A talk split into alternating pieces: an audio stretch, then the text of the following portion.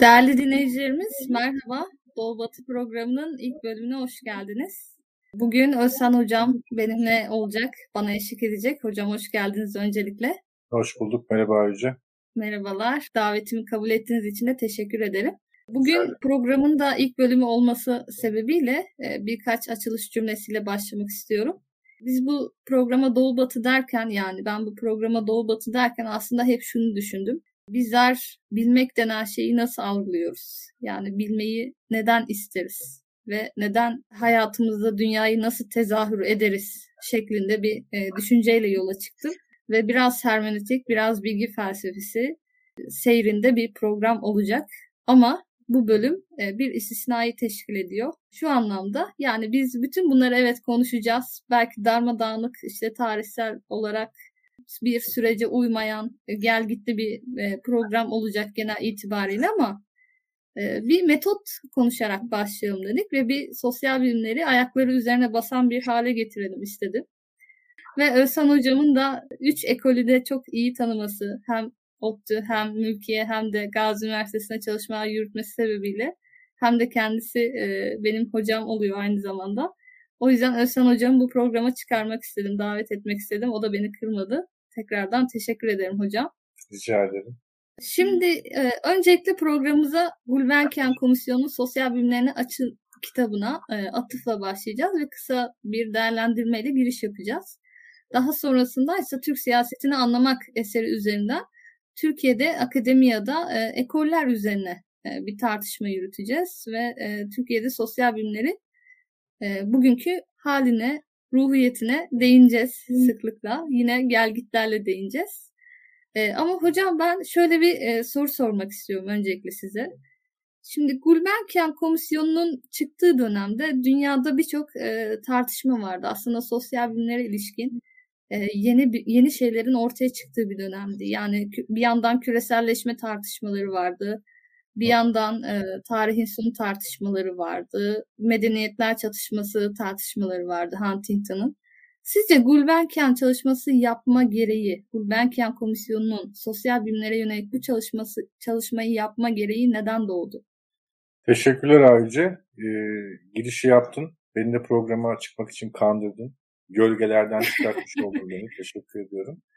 Şöyle başlayalım. Hani bir kere bir kısa dipnot atmış olalım.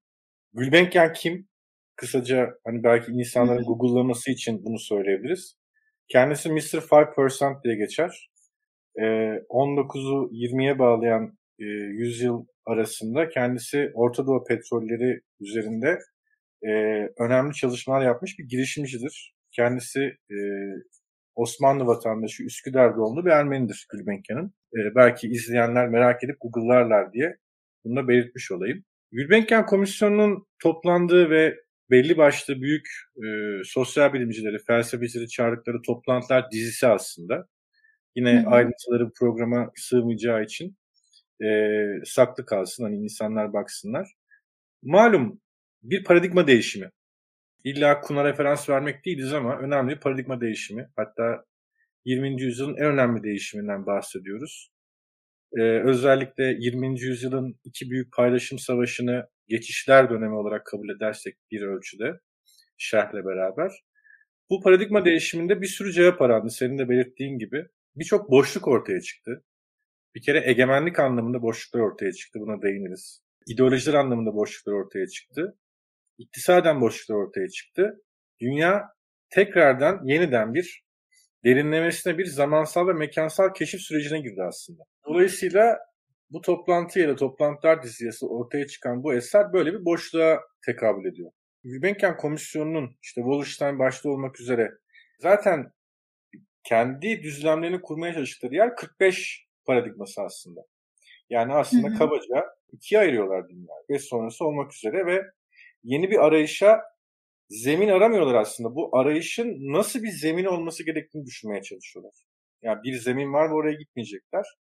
Ee, bir zemin arayışındalar. Bu böyle bir arayış. Böyle bir soru cevap gidelim diye durduk. Hocam şimdi e, şöyle bir e, soru da sormak istiyorum ben buna yönelik. Acaba bu tartışmalar yürütürken o dönemde şöyle bir ihtiyaç da var mıydı? Yani kantitatif olanın yetersizliğinin hissedilmeye başlandığı bir dönem miydi? Kalitatif olana daha e, gereklilik duyulduğunun hissedildiği bir dönem miydi ve bu çerçevede tartışma nasıl yürütülüyordu? Oradaki düşünceler e, bu kitaptan çıkan yani kısaca bir sonuç neydi sizce? Şöyle diyelim. Ya aslında e, hani kitabı okuyanlar bilirler. Bir bilgi felsefesi, e, epistemoloji tartışmasıyla başlıyor aslında kabaca. Yani onun tarihiyle başlıyor. Orada hani Descartes'e ve Newton'a referansla başlıyor kitap. Bu referansları hani bu programda açmamız çok mümkün olmaz ama kabaca bizim bilim dediğimiz şey sosyal olsun, doğal olsun ya da daha sonra işte cultural studies ya da humanities olsun. En nihayetinde insanlığın kadim sayılabilecek büyük ölçüde dualizmleriyle başlayan bir şey. E, bütün mesele bu dualizmler ve bu dualizmlerin aşılıp aşılamayacağı sorusu aslında. Dolayısıyla ilk sorduğun soruya bir yanıt da böyle eklenebilir. İnsan doğa ayrımı, olgu değer ayrımı, kalitatif kantitatif ayrımı demin söylediğiniz üzere. Oikos polis ayrımı. Yani bütün batı düşüncesi, batı felsefesi ki bunun yansımalarını doğuda da görürüz. Sen programa devam ettiğinde bunları benden çok daha derinlemesine tartışacak konukların olacaktır ama yani bu anlamda bir evrensellikten belki bahsedebiliriz. Niçin? Aslına bakarsan kendi yorumumdur. E, bu arada hani söylemiş olayım. Bir felsefeci değilim.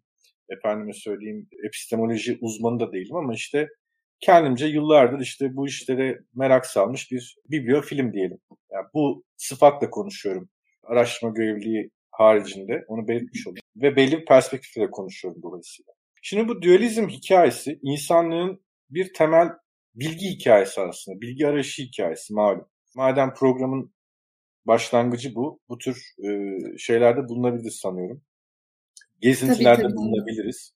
Ya en tabii. nihayetinde hani insan kendi türsel varlığını konumlamak açısından belli bir serüven yaşadı. Ne demek türsel varlık?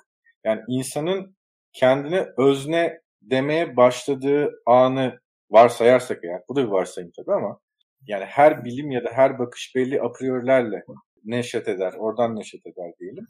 Gündüz gece canlı ölü, efendime söyleyeyim hareket eden etmeyen gibi temel dualist tasavvurları vardır insan aklının. Birler ve sıfırlar yani bugün içinde yaşadığımız dijital çağında özü budur en nihayetinde. Yani fuzzy logic buna dayanır vesaire. Dolayısıyla dualizm insanlık için çok eski bir hikaye. Bilimden öte. Ve hatta hani kadim bilgi dediğimiz şey de bu temelde. Bu birler ve sıfırların, o zamanki birler ve sıfırların bir yere oturtulması, anlamlandırılması, mümkünse sözlü ya da yazılı kayda geçirilmesi. Bu arada bir başka dualizm sözlü olan ve yazılı olan. Çünkü önce söz vardı meselesi. Dolayısıyla hı hı. serüven hep burada başlıyor ve buradan devam ediyor. İşte 45 bandına geldiğimizde yani kitabın kendine bir e, set çektiği, dünyayı ayırdığı bir ölçüde yere geldiğimizde de ne oluyor işte? Dünya ikiye ayrılmış oluyor. İşte Batı ve Doğu, Sovyetler Birliği, özgür dünya vesaire. Ve hocam e, burada benim aklıma hemen şöyle bir soru geldi.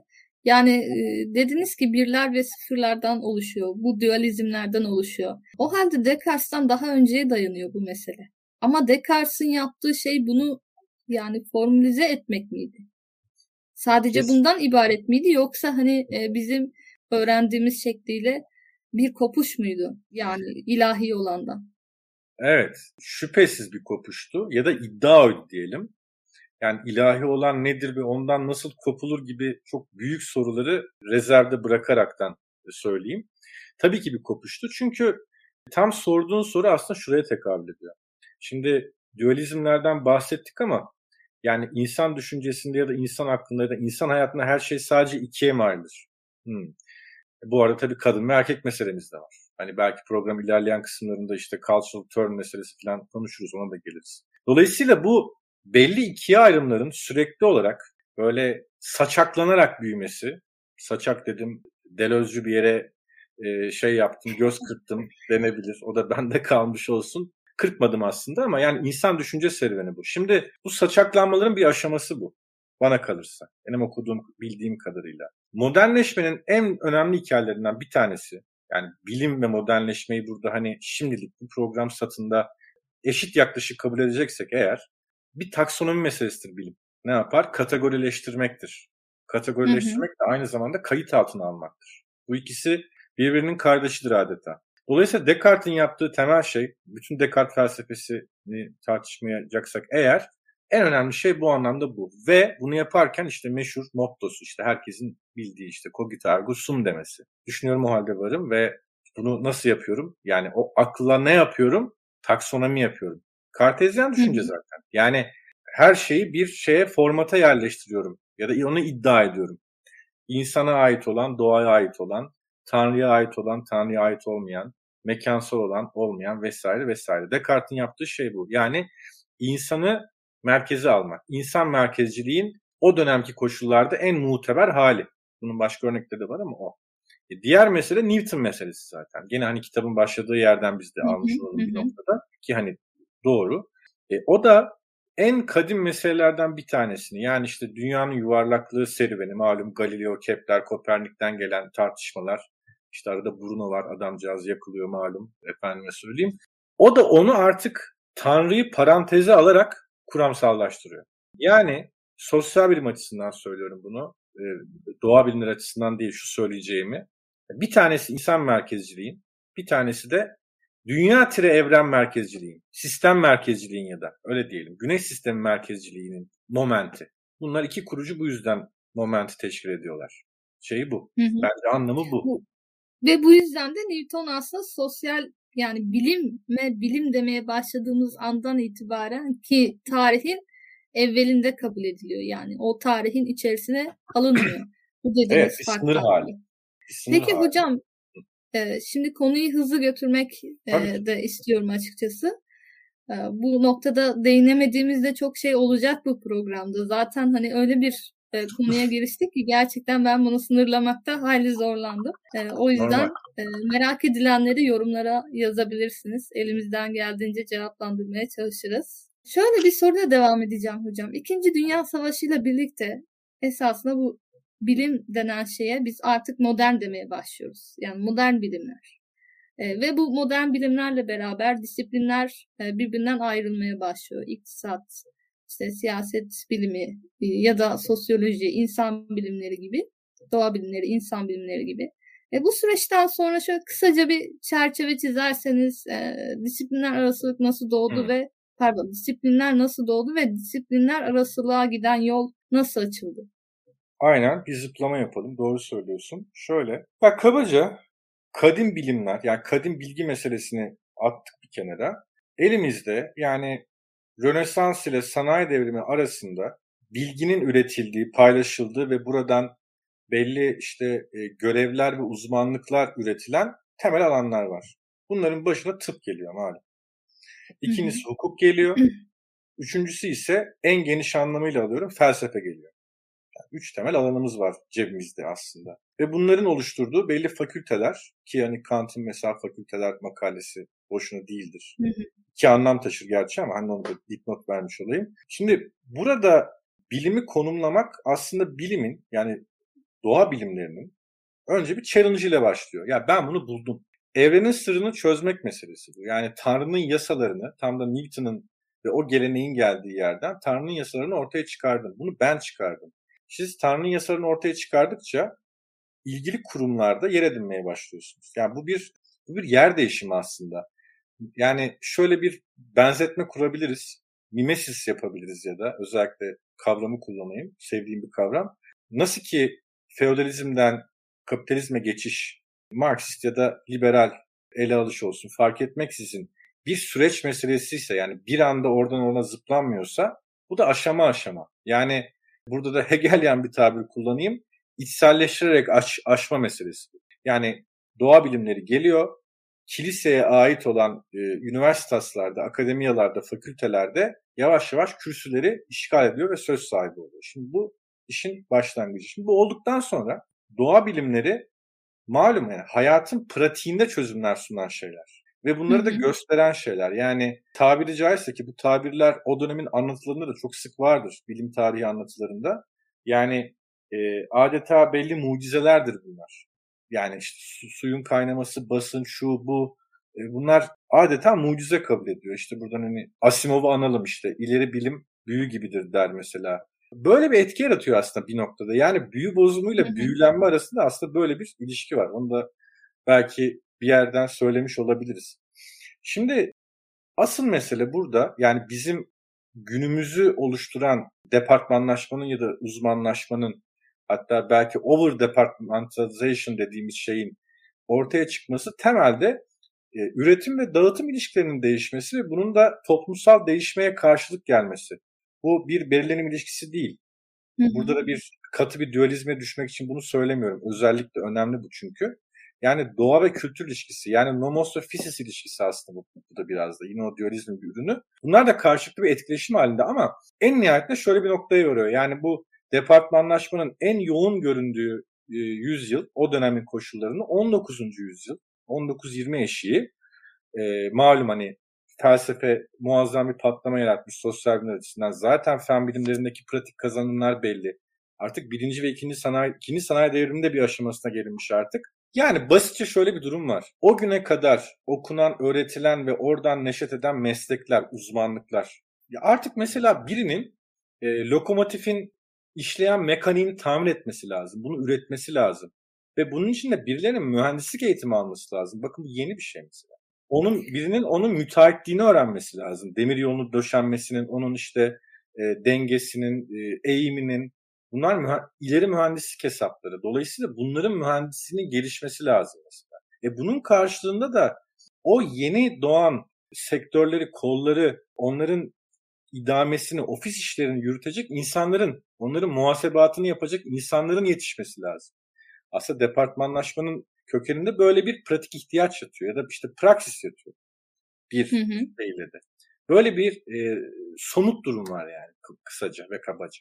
Tabii şöyle de bir durum var e, olduğunu düşünüyorum yani. Bunu da merak ettiğim için soruyorum.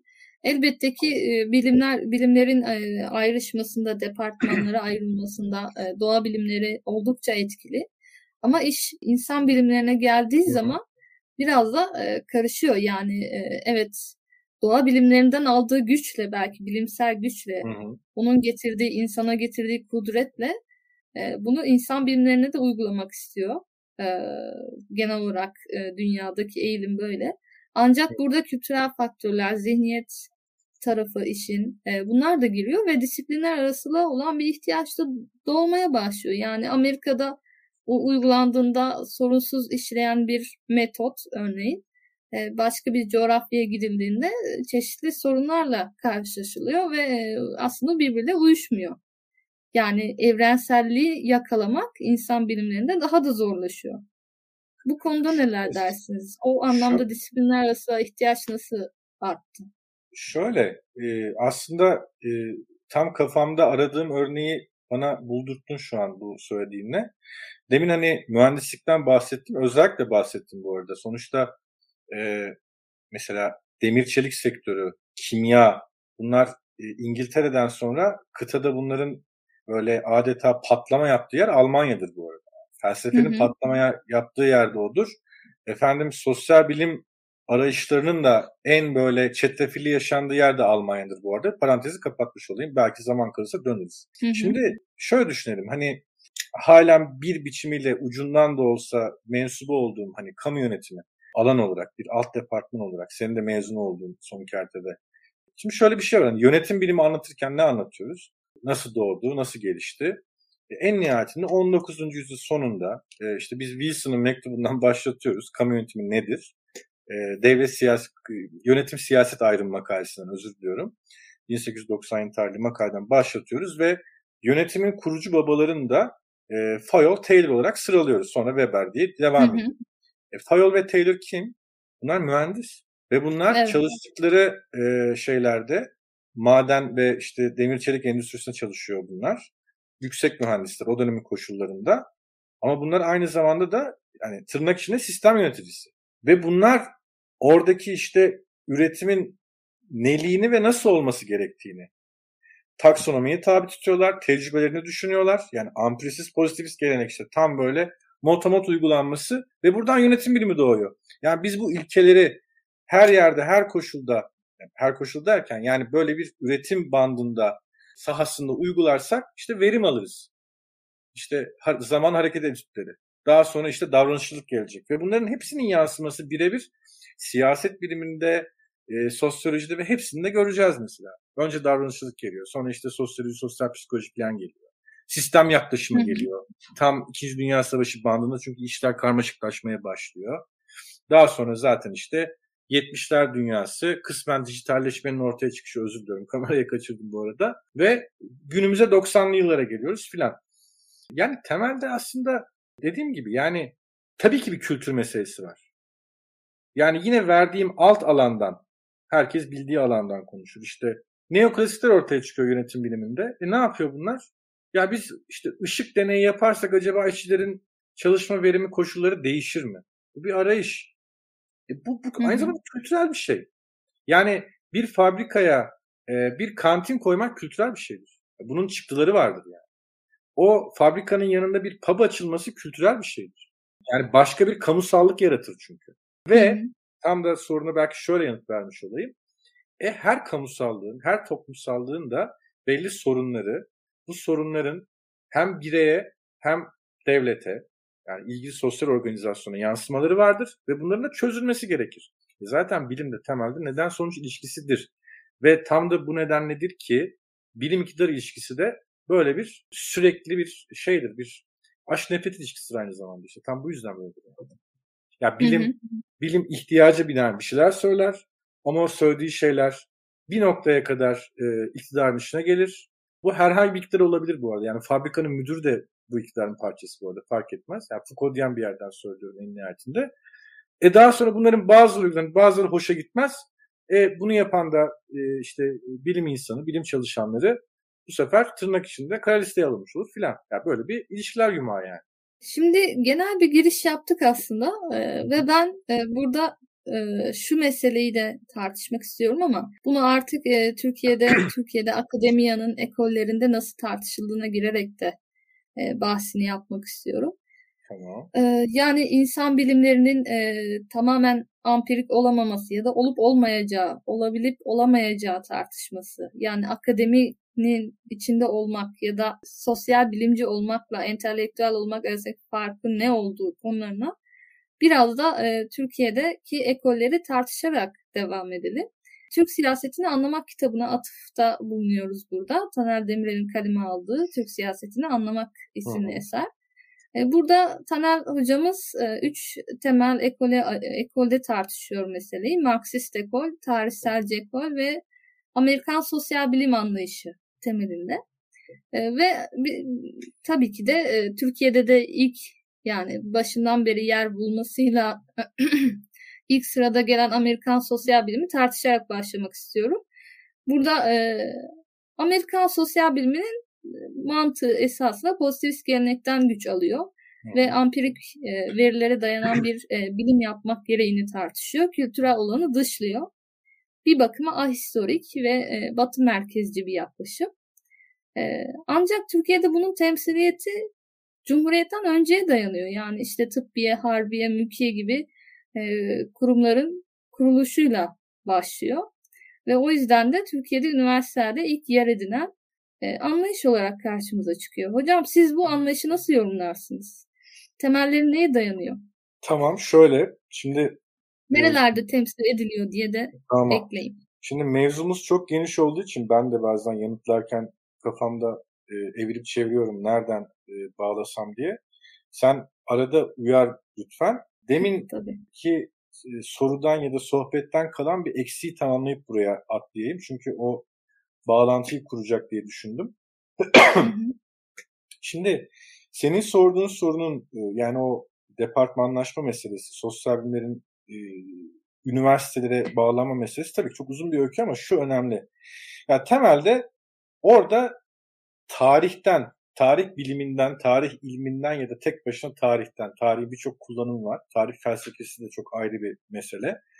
Tarihin bir bilim olarak ortaya çıkması ve kendini konumlaması. Yani e, ideografik bir alan olarak yani e, modern anlamda betimleyebilen o selayete sahip, yetkiye sahip bir alan olarak özelleşmesi kritik bir nokta. Çünkü niye? Hı hı. Toplumsal problemler aynı zamanda bir tarih okuması. Yani artık hani vakaünüvistikten işte Bizans e, hükümdarlarının tarihini yazmaktan artık halkın tarihini yazmaya geçiş söz konusu. Çünkü e, hareketi yaratan, tam olarak hareketi yaratan şey artık halkın kendisi, yönetilenler. Hı hı.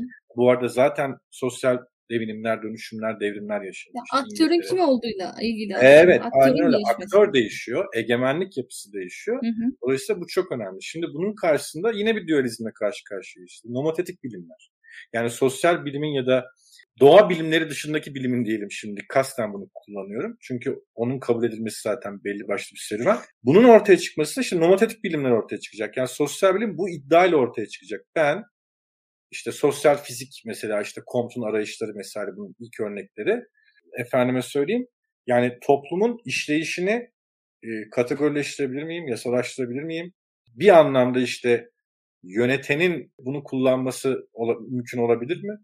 Yani su 100 derecede kaynar. Toplumlar şu vergi oranında isyan ederler mesela. Çünkü Fransız devrimi olmuş yani yer yerinden oynamış filan. E şimdi bunlar olurken yani artık Fransız devriminde dedik madem zıplaya zıplaya da gitmek zorundayız. Bu arada yine bir eleştiri ve öz eleştiri yapmış olayım.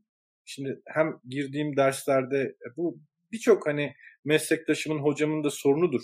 Böyle tarihlerden bahsederken hani belli başlı tarihleri seçmek oraya atlamak zorundasındır. E, hı hı. Ders anlatırken de ya da işte konuşurken de işte anlatıcının içinde bir ince bir sızı kalır. Ya aslında arada o kadar çok şey var ki filan.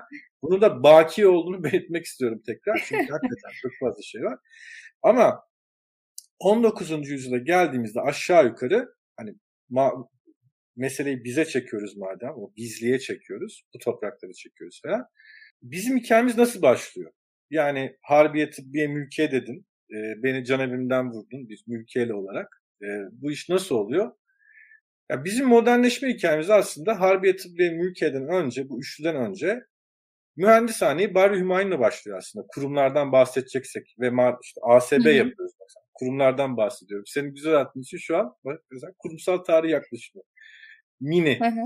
Şimdi mühendishaneyi Bari Hümayun ne? Yani donanma yanmış. Ortada donanma kalmamış. Ee, Osmanlı İmparatorluğu yenilmiş ee, ve yeni bir donanma yapılmak zorunda yani. Denizlerde direnmek söz konusu değil. Karada da problemler var ama ne işte uzmanlar getirtiyorsun, mühendisler getirtiyorsun, okul açtırtıyorsun. Yani şunu demeye getireceğim aslında böyle kısalta kısalta. İş bir pedagoji hikayesi. Yani bir de işin bir e, modernleşme, kalkınma, batıllaşma hikayesi var. Yani bu da sosyal bilimin zaten ana konusu aslında. Yani tarih hı hı. işte batı toplumu, batı dış toplum hikayesi. Daha sonra işte bu kalkınma meselesi devreye girecek. Daha sonra işte karşılaştırmalı siyaset ve karşılaştırmalı yönetim meseleleri devreye girecek. Amerikan sosyal biliminin işte 50'lerden sonraki en büyük meselesi. E, Türkiye'den düşünürsem böyle girecek. Daha sonra işte Harbiye Tıbbiye mülkiye kurulacak. Yani orduyu nasıl yöneteceğim, devleti nasıl yöneteceğim, e, bunları nasıl tedavi edeceğim, halkı nasıl idare edeceğim soruları sorulacak. Yani, yani aslında Batı'da sosyal bilimin departmanlaşmasıyla buradaki kurumsallaşma hikayesi arasında aslında kategorik bir fark yok. Ama hı hı. o kadar çok nicelik farkı var ki bu işte o nitelik sınırındaki şeyi yaratıyor filan. Soruna tekrar odaklanmak gereken söyle da şimdi, ben dağılmadan. Şimdi ben şunu sormak istiyorum hocam. Yani e, malumun ilanı gibi olacak ama yani Amerikan sosyal bilim diyor. Yani Amerika'nın evet. e, bir Amerikan rüyasıyla ortaya çıktı. Yani Amerika nasıl bir ülkedir? Aslında baktığımız zaman tarihsel background'u görece daha zayıf e, ve sonradan inşa edilmiş bir ülke olarak karşımıza evet. çıkıyor. Bu yüzden de aslında tarihsel olanı veya zihni, zihniyet meselelerine ait olanı ya da background'a ait olanı e, dışlama üzerine kurulu. Çünkü kendi geldiği kültür icabı böyle bir e, gelenek ya da background yeterli derecede yok. Ama baktığımızda Osmanlı'da yani Osmanlı'dan beri gelen bir e, ASB geleneği var yani bir pozitivist damar var.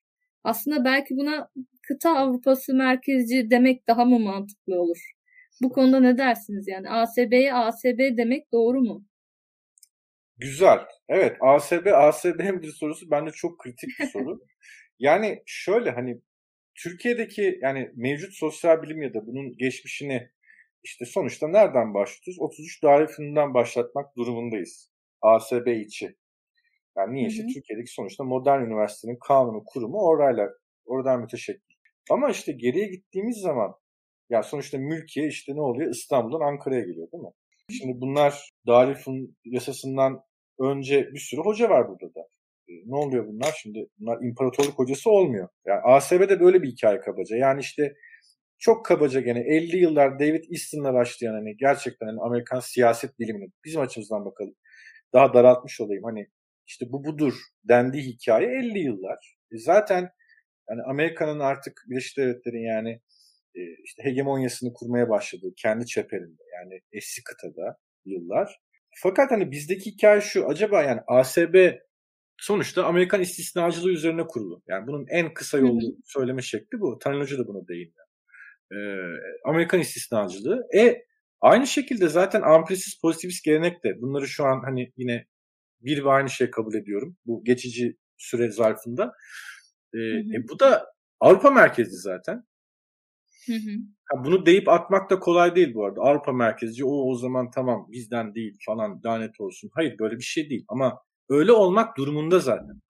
Yani belli bir bilgi, data ve o bilgi ilişkileri yığınına bilim adını koymak bir tarih itibariyle zaten batılı bir şey. Bu başka türlü değil. Ha buradan da bak başka bir dualizme aslında kapı açtık. O da bir yerlerde dursun ya da pencere açtık. Kapı değil. Efendime söyleyeyim şey. Olgu değerden daha ziyade batı batılı olmayan meselesi. Söyleyeceğim unuttum. Kafam karıştı. Neyse. Konuma şimdi, şimdi şöyle devam edeyim ben hocam.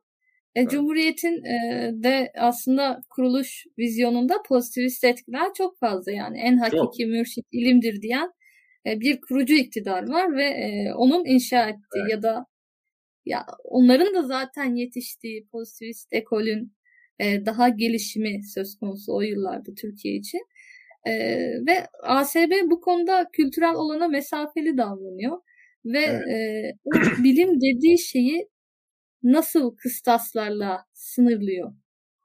Yani bilimi kültürel olanı atmak dediği ve ilgilendiği alan aslında ne? Tamam. Ben yine dağılırsam sen beni toparla. Çünkü önden şunu verelim. Şimdi Amerikan bilimi ya da Amerikan sosyal biliminin kendi yani Avrupa geleneğini alıp ya bugün tekrar Tocqueville'de okusak benzer bir şey bulacağız bu arada da çok farklı bir hikaye değil yani. Ee, hı hı. Kendi hikayesinin yazması hem fen bilimlerinde işte bunu mesela neyle yapıyor? Yani Manhattan Project'i düşünelim mesela. Yani Amerikan atom bombası geliştirme projesini düşünelim. Çok benzer bir hikayedir aslında. Yani evet. ne anlamda söylüyorum? Onlarca farklı milletten ve alandan bilim insanını bir araya getirip öyle bir e, büyük proje ortaya çıkarmak ve uygulanabilir bir proje ortaya çıkarmak tam böyle bir hikaye. İşte Amerikan istisnacılığı. E, hatta hı İkinci Dünya Savaşı tarihine meraklı e, izleyiciler, arkadaşlar belki hani duymuşlardır ya da rastlamışlardır. Yani o e, iş başka bir yerde yapılamazdı zaten. Yani hı hı. işte e, Almanlar ya da işte Alman Nazi bilim adamları. Bakın bu bile bir soru işareti mesela. Alman bilim adamı, Nazi bilim adamı. Bu bile bir soru değil mi? Ya da Yahudi bilim adamları mı? Parantezi hı hı. kapattım. Evet bunların ön çalışmaları vardı ama başka bir yerde o gerçekten atom enerjisine ya da işte e, o bombaya çevrilebilir miydi? Şimdi diğer tarafa geçiyorum. Yani Amerikan sosyal bilim açısından. Şimdi İkinci Dünya Savaşı'nın bütün bilimlerde e, yarattığı büyük bir devinim var, büyük kırılmalar var. Bir kere bir, savaş demek organizasyon demektir. Bu A'dan Z'ye budur. Yani siz hı hı. ne olursa olsun o birlikleri, şunları bunları idare etmek, lojistiğini ayarlamak zorundasınız. Hava, kara, deniz vesaire vesaire. Muazzam bir kompleks süreç var orada. E, bu tarihte ne oluyor? Sistem yaklaşımı doğuyor işte. Hı hı. Bir tesadüf değil. Şimdi dolayısıyla sistem yaklaşımı da ne? Girdiler çıktılar meselesi. İşte mesela Easton kabaca siyasal sistemlerde bunu söyler zaten. Ya bu çok önemli bir e, yaklaşımı bu kadar basitleştirdiğim için şu an iş dünyamda azap çekiyorum ama yani bu vakit darlığında bu kadarını söylemekle yetinmek evet. Büyük bir olay ama bu aslında yani e, yaşanan ve teorize edilen arasında bu çok önemli bence. Çok yakın ve doğrusal bir ilişki var. Zaten hı hı. pozitif bilimin, pozitif sosyal bilimin iddiası da amacı da bu. Yani biz ilk nedenle yani eski Yunan felsefesi ya da klasik felsefenin işte arkesiyle uğraşmayalım. Ya da işte teolojiden neşet eden felsefeyle işte bir neden sonuç yani tanrısal bir neden sonuç bağı aramayalım. Biz parantezi alalım. İşte Newton'dan gelen bağ bu işte. Ya da aynı hı hı. şekilde her şeyi yazıp dökelim bunları veriler üzerinden değerlendirelim. İşte geliyorsa Descartes'ten gelen nokta bu. Dolayısıyla e, başında ya da sonunda bilim olan her şey en nihayetinde e, amprisis pozitivist gelenekten gelir. E, üçüncü defa söylemiş olayım bu program sürecinde bunları bir kabul ediyorum. E, hayır öyle değil diyenlerin itirazı haklı ve bakidir bu arada. Onu ayrıca bir gün rastlaşırsak tartışırız tabii ki. ee, sanırım bu parantezi kapatabildim kendimce. Ee, yani Amerikan sosyal bilimi bu olmak zorundaydı ve ha tamam şimdi şöyle Amerika'nın ihtiyacı neydi? Tamam mı? Aslında bunu düşünüyoruz. Yani orada muazzam bir sanayi toplumu var. Yani çok muazzam bir sanayi toplumu. Bir tarafıyla da tarım toplumu ama kapitalist tarım. Yani gelişmiş bir tarım uyguluyor sonuçta işte güne bölgeleri falan. Şimdi bunların organizasyonu, kaynak dağıtımı, bunların e, siyasal katılım problemleri. Bakın söylediğim her bir başlık hakim Amerikan sosyal biliminin araştırma başlıkları. Yani o dönemin dergilerini 1970'lere kadar taradığınızda işte bunları bulursunuz. Siyasal katılma, kaynak dağıtımı. Siyaseti zaten böyle tanımlarlar. Böyle tanımlamak da zorundadırlar. Çünkü e, o verili durumda zaten The Amerika'dır ve o da The American Science'dır. Öyle olmak zorundadır. Bu da böyle anti bir yerden söylemiyorum bunu. Yani ihtiyaçlar meselesi. Toplumunuzu araştırıyorsunuz. Ona göre siyasal sisteminizi eğip büküyorsunuz. Çünkü işte 18. yüzyıl son çeyreğinde yazılmış bir anayasanız var e, geçirmiş bir iç savaş süreci var efendim ve federal bir yapı var. Yani Amerikan yönetim sistemi çok kompleks bir yapıdır. Ve bu yapı içerisinde tam senin söylediğin yere belki böyle bir referansla bağlamış olayım. Zaten a priori dışlananlar var. Hı hı. Yani zaten işte siyahiler var mı orada? Yok. Kadın bilim adamları var mı? Bilim insanları özür diliyorum. Doğru niyetle yanlış şey kurdum. Kadın bilim insanları var mı? Yok. siyahiler yok işte diğer e, etnik unsurlar, dini unsurlardan bilim insanları var mı? Yok. Sosyal bilim içinden konuşuyorum. Ya da işte yöneticiler, e, senatörler vesaire var mı? Yok. Bunlar te 60'lar 70'ler dünyasında bir sürü olayla beraber ortaya çıkacak ve işte Frederick Jameson'ın o 90'larda yazdığı Cultural Turn'e referans verirsek o oradaki ilk Cultural Turn de tam 60'larda falan ortaya çıkacak. Ama buradan bize ne gelecek? Bize şöyle bir şey gelecek. Yani zaten işte Türkiye ve Türkiye benzeri ülkelerde 45, 46, 47, 48, 50 süreci yaşanacak. Buna Almanya falan da dahil bu arada. İşte Yunanistan, Japonya, bütün Avrupa dahil. Dünyanın yeniden yapılanması bu tek başına olmayacak. Yani bunun mühendisi de var, idarecisi de var, sosyoloğu da var vesaire. E, böylece ya yazılan kitaplar çevrilecek ve e, ilgili ülkedeki eğitim sistemine e, entegre edilecek. Yani pedagoji değiştirilmek durumunda. Yani hı hı. Almanya'nın pedagojisi değiştirileceği gibi Türkiye'nin de pedagojisi değiştirilecek. O Amerikan Social Science dediğimiz şey orada ortaya çıkacak. Ama dediğim gibi bu yani e, şeyden tamamen bağımsız azarda yani Alman-Fransız geleneği diyebileceğimiz o temel 200-250 yıllık meseleden bağımsız bir şey değil. Sonuçta kürsü sistemine dayanır en basitinden. Daha mikro inersek. Bugün hala kürsü sistemindeyiz. Belki programın sonunda yani Z kuşağı için bunu böyle şeylerini de tartışabiliriz yani olmazsa. Öyle. Evet. Ben alıp sürekli bir yerlere götürüyorum sen çek beni. Şimdi şuraya değinmek istiyorum hocam. Aslında e, Amerikan sosyal bilimler hani Cumhuriyet'in de kendini bir milat kabul etmesi yani yeni bir iş tamamen eskiden bağlarını koparmış ve ileriye yönelik bir iş e, bir kalkınma, bir modernleşme hamlesi gerçekleştiriyor olarak konumlandırması sebebiyle o tarihsel background'u belki de onların tanımıyla yükü atıp e, tamamen ileriye odaklanmak gibi bir hedef e, kendisine evet. biçiyor. Ve ASB de aslında buna uyumlu olarak Türkiye'de gelişiyor. Ancak ben şunu sormak istiyorum. E, ASB'nin e, bu tarihselci tarihsel tarihsel background'u e, arka plana atması daha sonrasında Türkiye'nin ilerleyen yıllarında tarihselci gelenek diye adlandırdığımız ekolden gelen kişiler tarafınca eleştiriliyor ve e, Türkiye'nin aslında o çatışma alanlarını, fay hatlarını e, yer altına süpürdüğü gerekçesiyle eleştiriliyor ve ilk defa bu kişiler tarafından e, bu tarihsel ya da kültürel çatışma alanları ortaya konuyor. Yani bir cesaretle söyleniyor esasında. Örneğin Şerif Mardin'in merkez çevre dikotomisi bunun en büyük örneği ya da e, örneğin Nil e, Nilüfer Göl'e mesela çıkıyor modern mahremi yazıyor, kalem alıyor. Bunların hepsi kültürel çatışmalara odaklanıyor. Ben buradan tarihselci anlayışa e, atlamak istiyorum, geçmek istiyorum. E, tarihselci anlayışın e, bir noktada e, tarihselci anlayışı dışlayanlara reddiye ve batı merkezciliğe de bir reddiyesi var. Sizce tarihselci anlayış e, hangi temellerde okuyordu ve tarihselci olmanın getirdiği zorluklar nelerdi? Yani o tarihi yükü, sırtlanmanın getirdiği zorluklar nelerdi? Tarihsizlikle tarihselcilik arasında ya da tarihlilik arasında bence ince bir çizgi var. Yani hiçbir şey birini tamamen dışlayabilir e, şeye sahip değil. Neden? Şimdi en nihayetinde tarihselcilik dediğimiz şey e, hermenötik gelenekten doğan bir şey.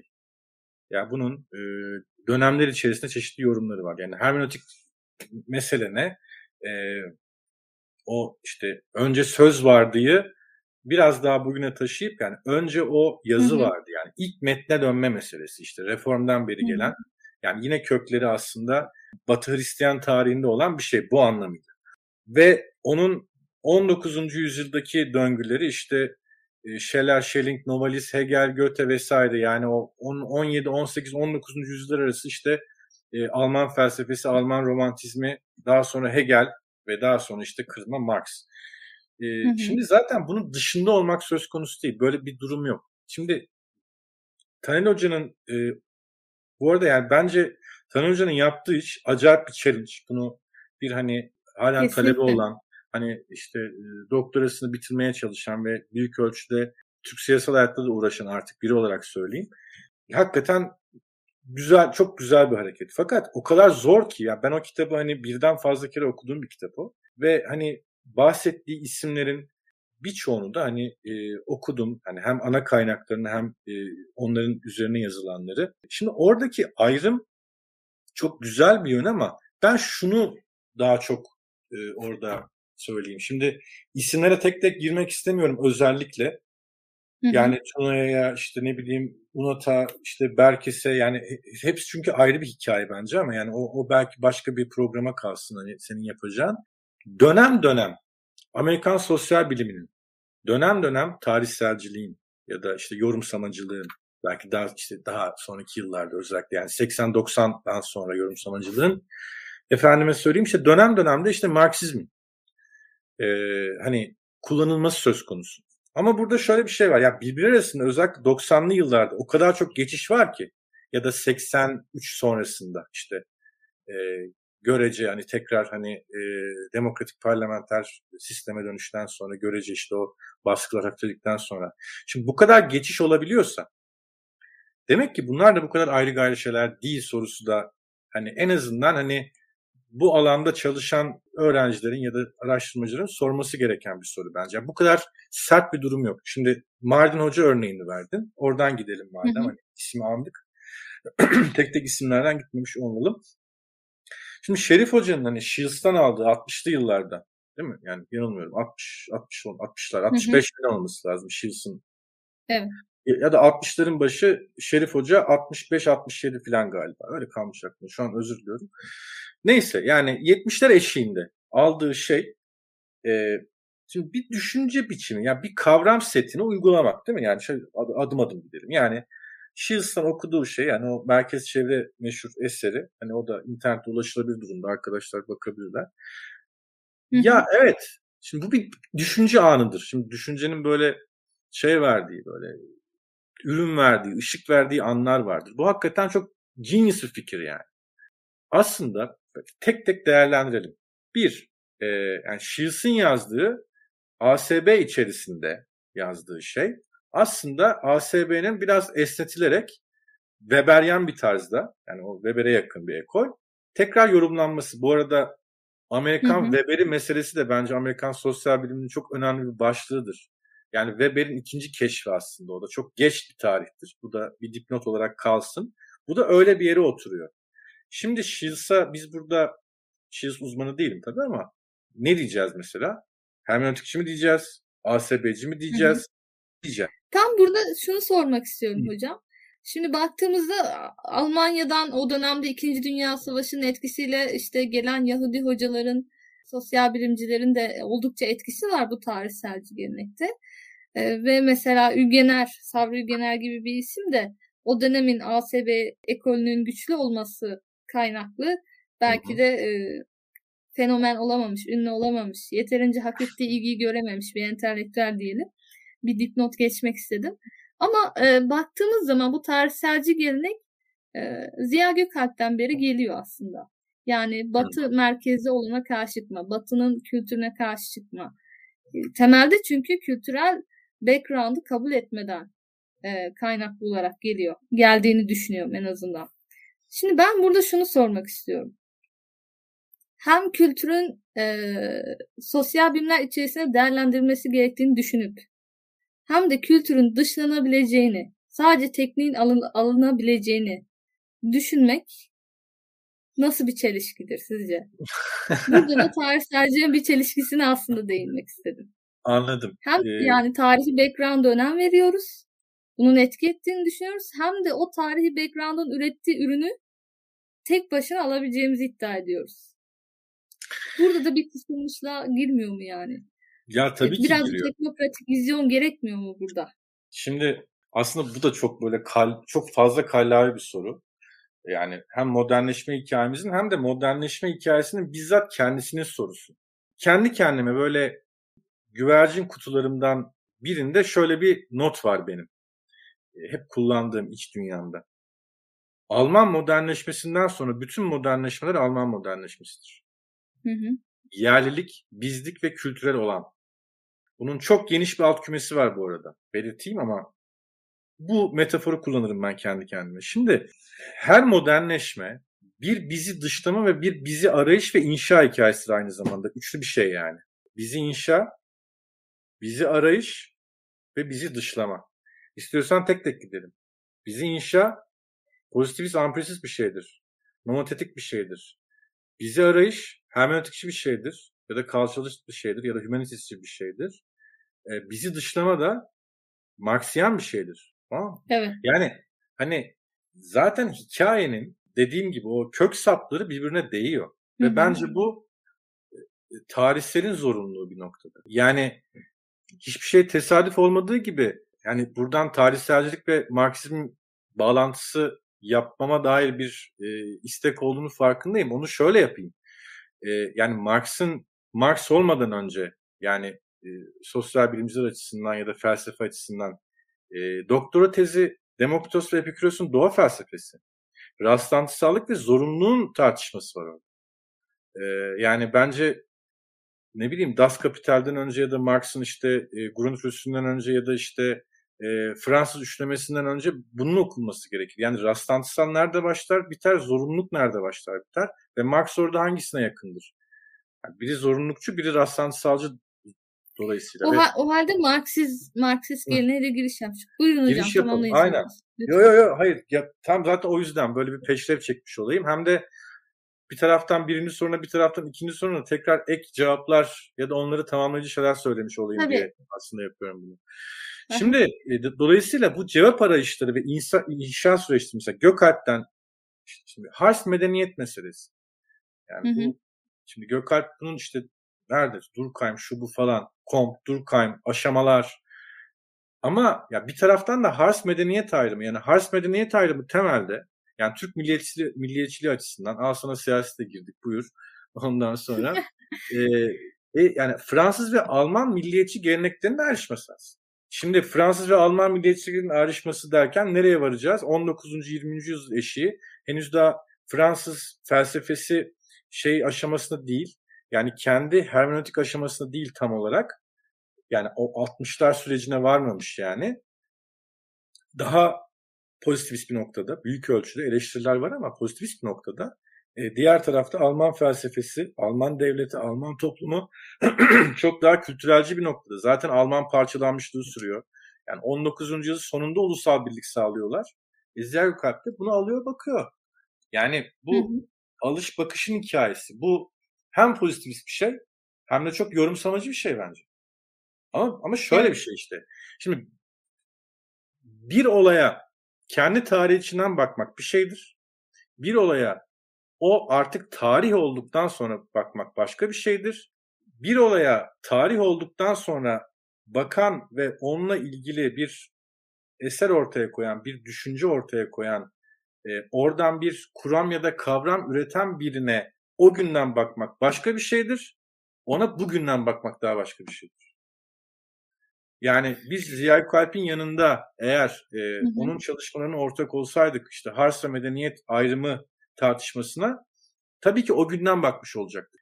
Ama biz şu an işte 21. yüzyıldan oraya baktığımızda bunun gayet de hermeneutik bir şey olduğunu söyleyebiliriz. Pekala. Hı hı. Yani sonuçta yani Hars medeniyet ayrımında ne işte sivilize olan işte e, cultural olan yani klana ait olan ve sivilizeye ait olan vesaire. Şimdi, Sen beni e, dağıldıkça çekersin. Tabii burada e, seyircilerimize de hani belirtelim. Yani burada kesin kes cevaplar aramayın. Zaten programımızın amacı da bu. Yani insanları biraz daha o kesin kes inandığınız hani hepimizin belli zamanlarda inandığı hı hı. ya da kendinden çok emin bir şekilde inandığı şeylerden yani şüphe ettirmek. Acaba bunda da bir yanlışlık olabilir mi? Yanlışlık olmasa dahi e, bunlar başka dallardan da besleniyor olabilir mi diye o relatif düşünceyi inşa edebilmek. O yüzden e, bu programda da kesin cevaplar yok. Burada bir sohbet ediyoruz esasında. E, hocam ben şöyle devam etmek istiyorum soruma. Şimdi e, ASB geleneğini konuştuk, tarihselci geleneği konuştuk ve sıra geldi Marksist geleneği. Hı. Marksist gelenek çoğunlukla yine o prag, e, özür dilerim pozitivist gelenekten e, oldukça besleniyor. Tarihselcilik, e, tarihsicilik, diyalektik materyalizm gibi e, kavramlarla ve e, kendisinin de bir bilim olduğunu iddia ediyor. Dünyada cenneti yaratmaya aday bir ideoloji olduğunu iddia ediyor ortaya çıkarken ve e, belirli bir tarihsel süreçte ya da e, oluşta ilerleyeceğini söylüyor. Bu anlamda Marksizmin Marksizme gelen bir takım eleştiriler var özellikle liberallerde. Sizce ben özellikle şunu sormak istiyorum. Marksizm e, yaptığı bu tanımlamayla indirgemeci bir tavır mı takınıyor? Yani Hı-hı. o sınıf sınıfsal e, tanımlamasıyla ya da kesin kes emin tarihsel bir çizgi tanımlamasıyla indirgemeci bir tavır mı takınıyor sizce? Yoksa buna tam olarak indirgemeci demek doğru değil mi? Bence değil. Yani hiçbir felsefi geleneği tek başına ya da düşünsel geleneği tek başına ben indirgemeci olarak ele almam. Çünkü e, her gelenek eğer bir ideoloji kisvesine bürünüyorsa e, birbirine indirgemeci yaklaşım yapar zaten. Yani diğer taraftan bakıldığında da işte e, bilimsel sosyalizm açısından aslında senin sorduğun yanıtın sorduğun sorunun yanıtı bu. Bilimsel sosyalizm meselesi. Hı hı. E, diğerleri burjuva bilimidir. Evet. Yani ya da oradaki sanat burjuva sanatıdır. Veya hı hı. vice versa. Şimdi şöyle yani şimdi soğuk savaş dünyası işte yine 45 meselesine gelmiş olduk geri döndük yani. Sonuçta hani zaten dualist bir dünya var. Dualizmden girdik. Yani 45 dünyası dualist dünya malum demin söyledik onu. Şimdi oradaki yarış yani askeri yarış, siyasal yarış, egemenlik yarışı, ekonomik yarış, kültürel yarış, sanatsal yarış, uzay yarışı, aynı zamanda bilimsel bir yarış. Yani sosyal bilimsel de bir yarış. Yani bir roman da yarışı, bir film de yarışı.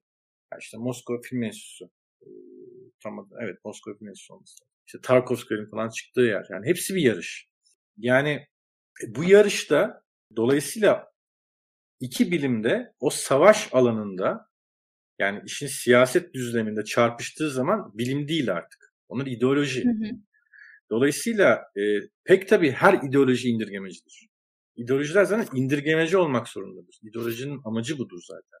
İdeoloji fikri, felsefeyi, tasavvurları belli noktalarını alır ve orada bir kendine bir alan kurar, bir kalıp kurar, bir saha kurar. Şimdi Marksizmin sonuç olarak bir hani felsefi bütün olduğu iddiası tabii ki doğru. Yani bir evrensellik iddiası tabii ki var. Yani işte işte Engels'in aile, devlet, özel mülkiyetin tarihinden işte Marx'ın el yazmalarına efendim hatta etnoloji defterlerine uzanan çizgi A'sından Z'sine bir insanlık tasavvurudur zaten. Yani mümkün mertebe olabildiği kadar Ama en nihayetinde zaten sınırını kendi içinde koyar. Yani sınırı aslında bu meselenin yani Marksist diyalektiğin neşet ettiği noktadır.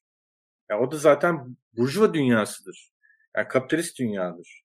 Bu sınıf çelişkisini ebedi hale getirmeye çalışmış olabilir. Ya da bunun ima edildiği yerler vardır. Ebedi ve ezeli. Evet bu anlamda çok teolojik ve teleolojiktir. Ama yani son kertede Marksizm bir epistemolojiden beslenir. Asıl bence yani her bence ideoloji için bunu düşünmek zorundayız. Ee, ya da her felsefi gelenek için. Yani her felsefi geleneğin bir ontolojisi, oradan doğan bir ya da oradan beslenen, beslenmek zorunda olan bir epistemolojisi ve onun da alt alanlarında metodolojileri vardır.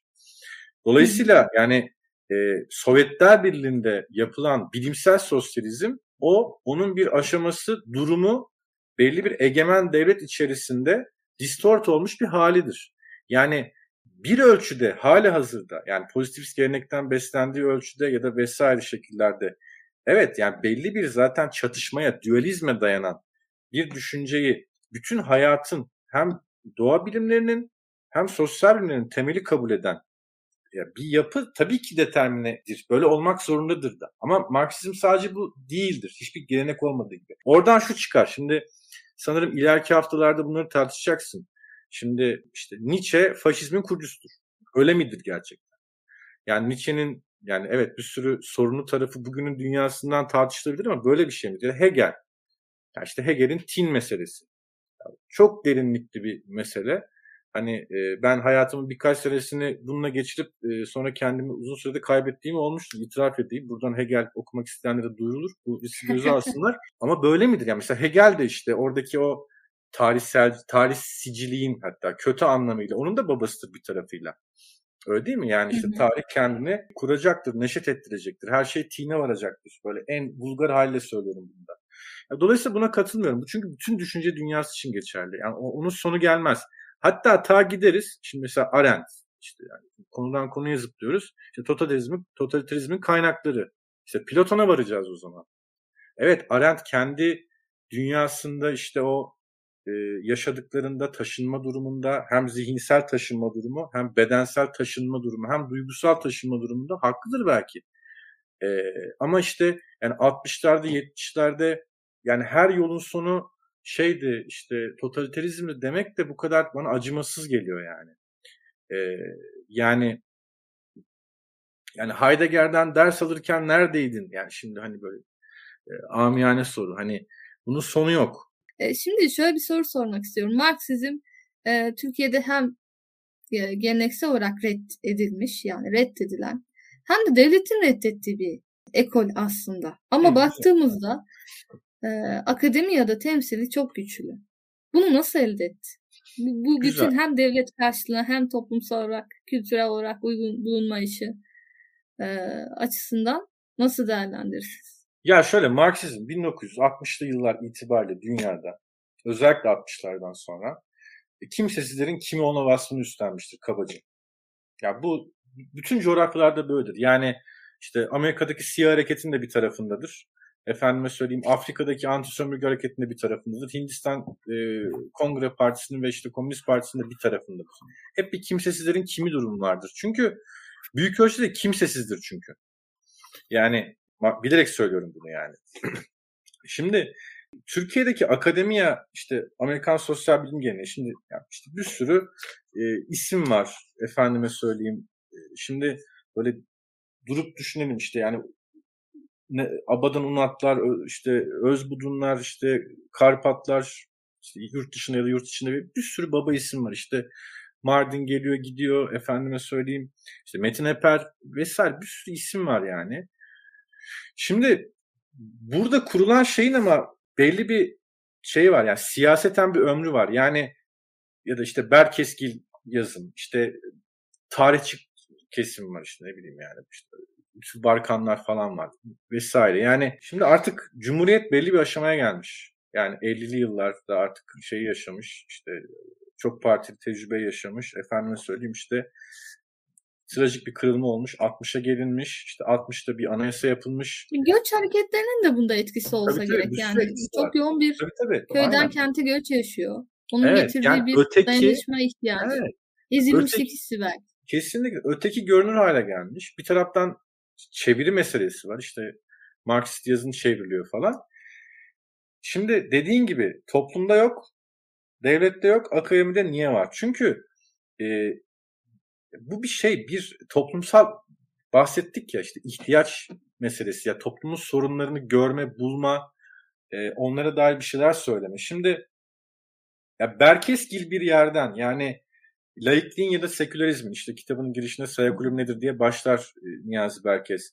Yani oradaki bu yani amaçsal yorumdan yani bütün her şey e, Türkiye'de yani Türk bu topraklardan Osmanlı Türk geleneğinde her şey işte sekülerleşmeyi ya da laikleşmeyi e, ne bileyim kemale erdirmek üzere olmuştur gibi bir yer artık e, makinalı tarıma geçmiş 50'lerde Demokrat Parti döneminde başlayan harekette işte dediğin gibi göç İstanbul'a yığılan e, işte milyonlar sorunu açıklayamaz artık. Yani bu, bu artık bir yere gelmiş durumda. Zaten siyasette bunun tıkanmasını yaşamış. Yani şimdi e, işte Menderes'in yükselişi ve düşüşü yani darbeyle düşüşü haricinde işte 50'lerde gelişiyle 57-58'deki hali arasındaki fark da böyle bir şey. Yani o momentum artık azalmış. Yani o verili durumdaki 50-55 işte 55-58 Kore Savaşı, Türkiye'nin ihracatı e, vesaire oradaki o dönem bitmiş ve dolayısıyla bu sorunların açıklanması lazım. Ya bu nasıl açıklanabilir? Şimdi Amerikan sosyal bilimi aslında e, genel olarak masraflı bir bilimdir. Genel olarak masraflıdır. Çünkü şu yani sürekli saha araştırması yapmanız, sürekli data elde etmeniz ve bu dataları da artık o günün koşullarında sistematize bir şekilde e, analiz etmeniz gerekir. Yani uzun araştırmalar gerekli. Yani gerçekten o kantitatif bilimi yapacaksanız. Bunun için fon lazım.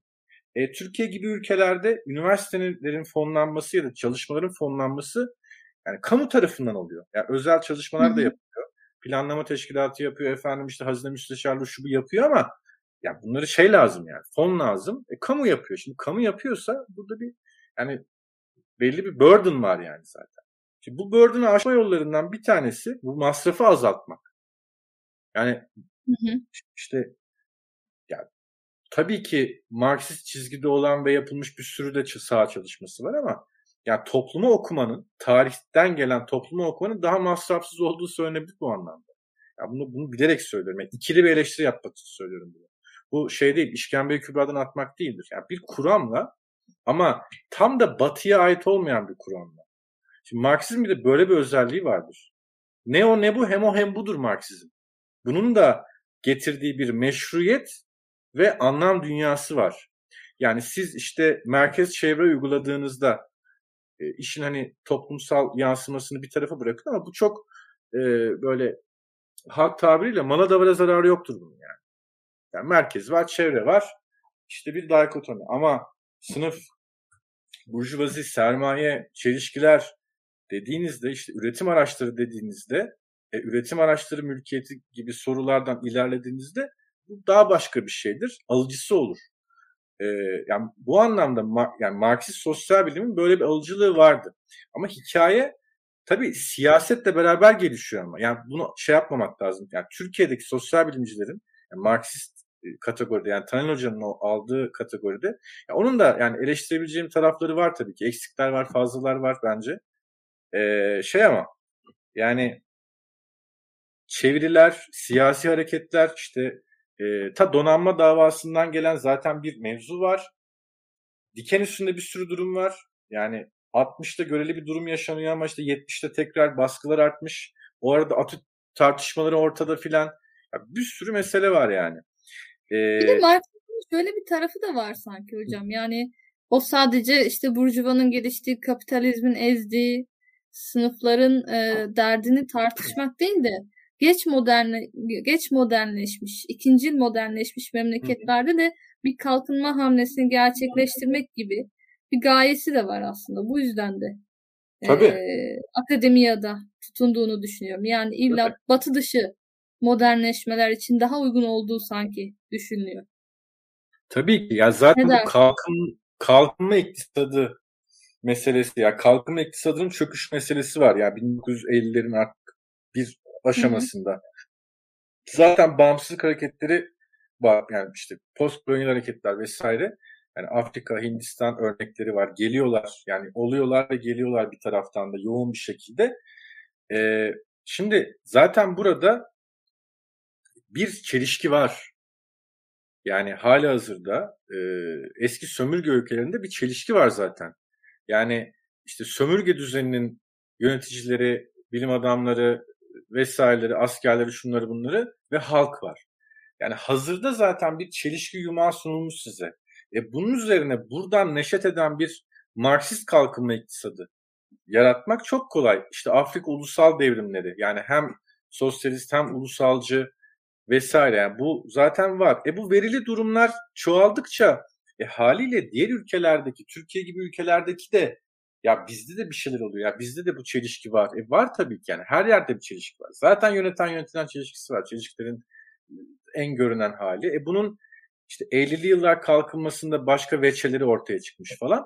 Dolayısıyla ya bunu alıp e, uygulamakta bir beis görülmüyor.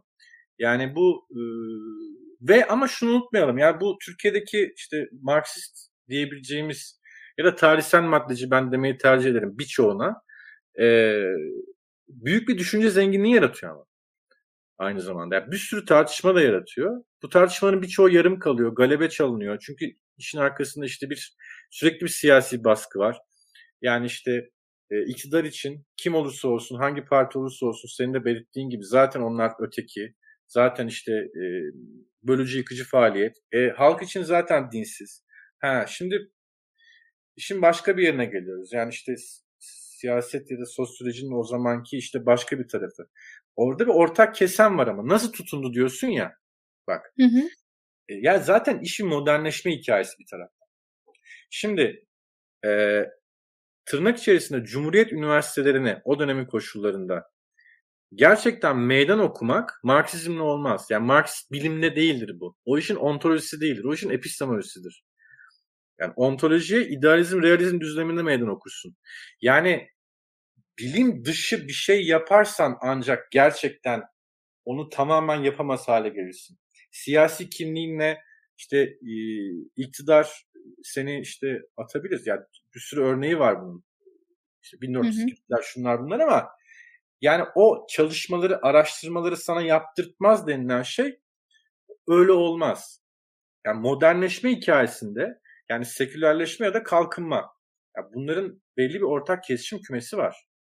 Yani bu anlamda sosyalist gelişme çizgisiyle işte e, batılılaşmacı sekülerleşme ya da işte laisizm çizgisi arasında büyük örtüşmeler var. Sen bu örtüşmeyi ister iktisadi anlamda kur. E, yani yöneten yönetilenin işte şeye benzerliği, e, efendim işte e, emek ve işte sermaye çelişkisi benzerliğinden kur.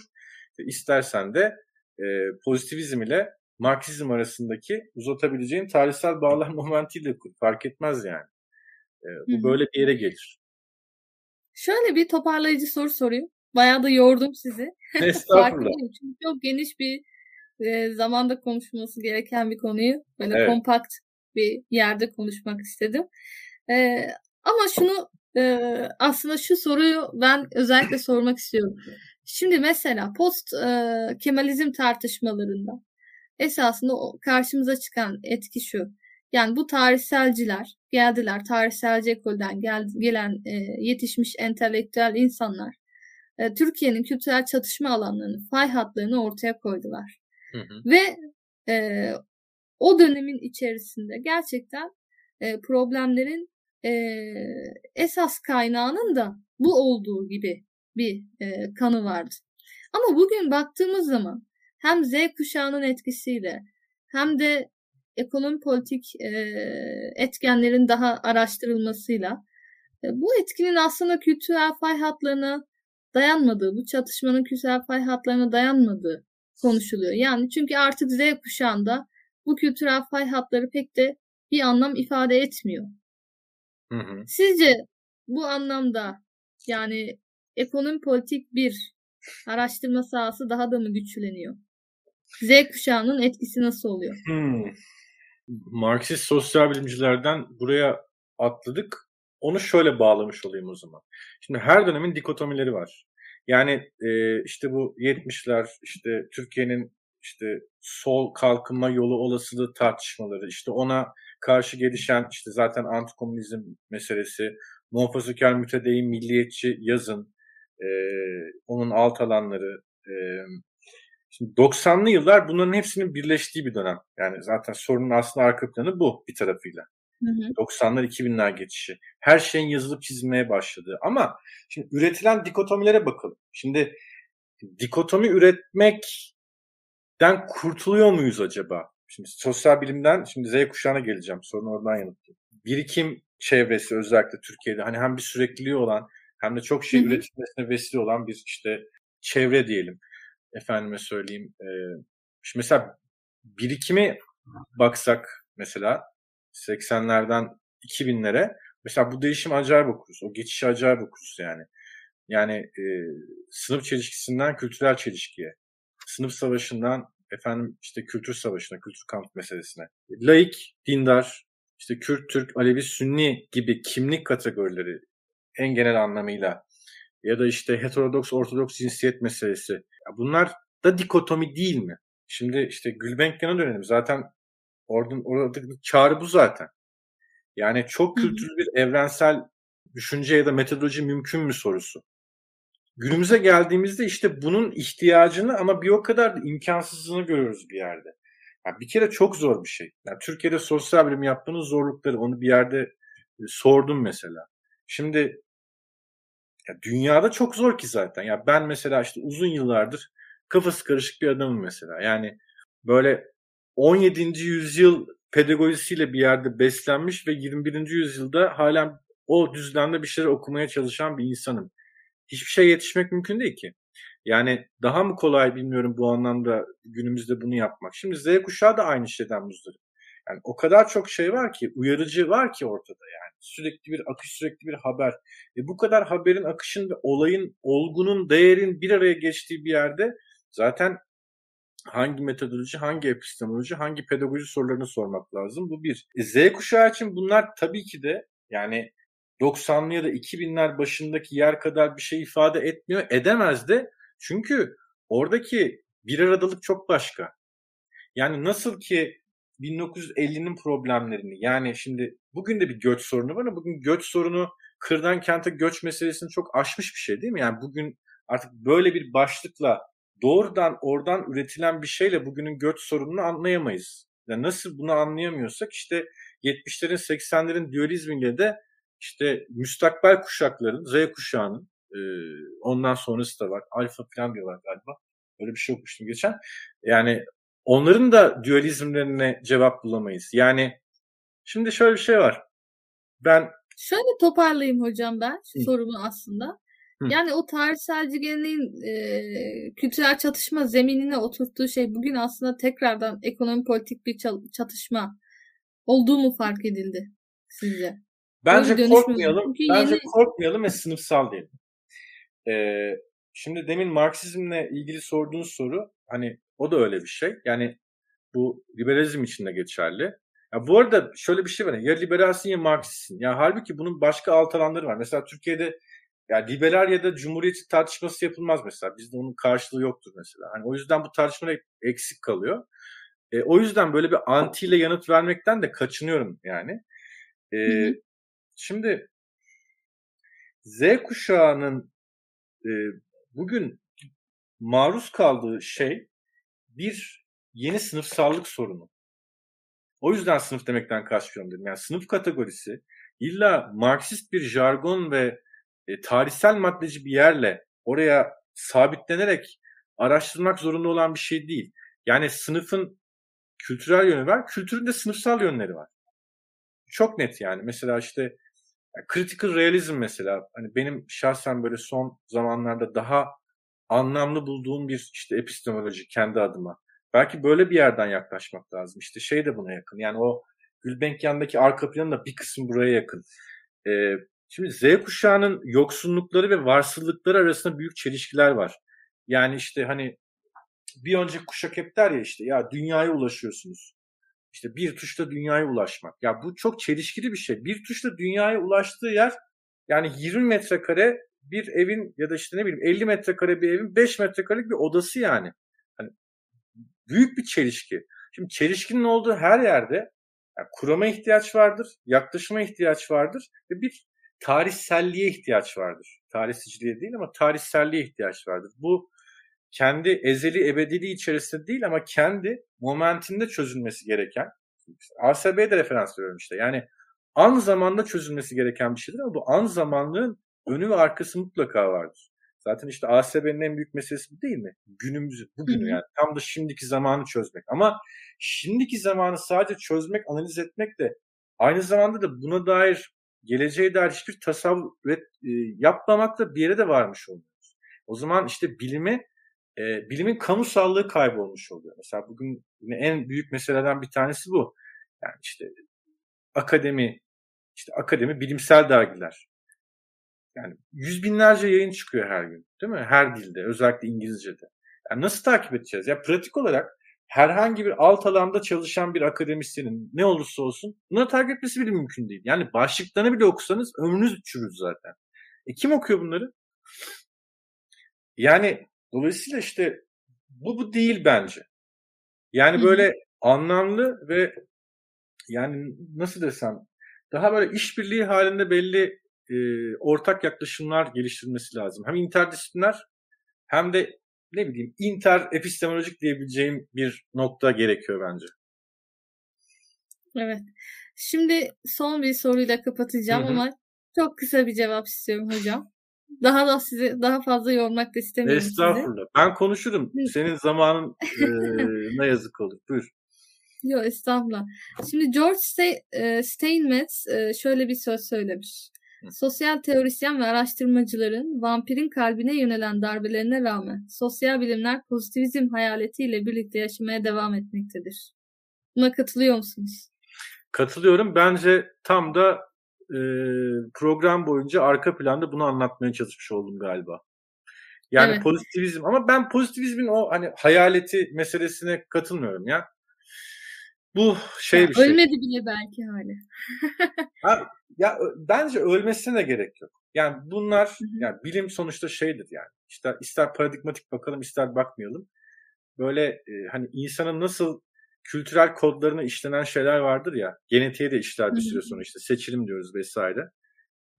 Mesela bu noktada önemli bir şey. E, matematiksel evrim meselesi ya da evrimsel matematik meselesi. Hani böyle de düşünmek lazım. Yani ekolojiyle, evrimle beraber düşünmek lazım. Güncel meseleleriyle. Böyle baktığımızda zaten bunları mündemiş görüyorum yani. Bunlardan kurtulmak değil de bunları sentezlemek ve bunları makul ölçüde Törpülemek. ilgili şeye katmak, deneye katmak, masaya katmak bence önemli. Hı hı. Evet, çok teşekkür ediyorum hocam. Bir buçuk saatinizi bana ayırdınız. Öncesinde de bir, bir saat kadar ayırdınız. O yüzden bugün e, fazlasıyla zamanınızı işgal ettim. Estağfurullah. Ee, ama çok teşekkür ediyorum. Çok sağ olun. Ben teşekkür ederim. Umarım e, yeterince kafa karıştırıcı olmuştur ya da bir anlamı olmuştur. yani aslında amacım zaten yeterince kafa karıştırıcı olmasıydı. O açıdan Peki. çok teşekkür ederim. Ben Her anlamda katkı sundunuz. Bir sonraki bölümde görüşmek dileğiyle diyorum. Programımız iki haftada bir yayınlanacak. O yüzden iki hafta sonra tekrar karşınızda olmak dileğiyle. İyi akşamlar.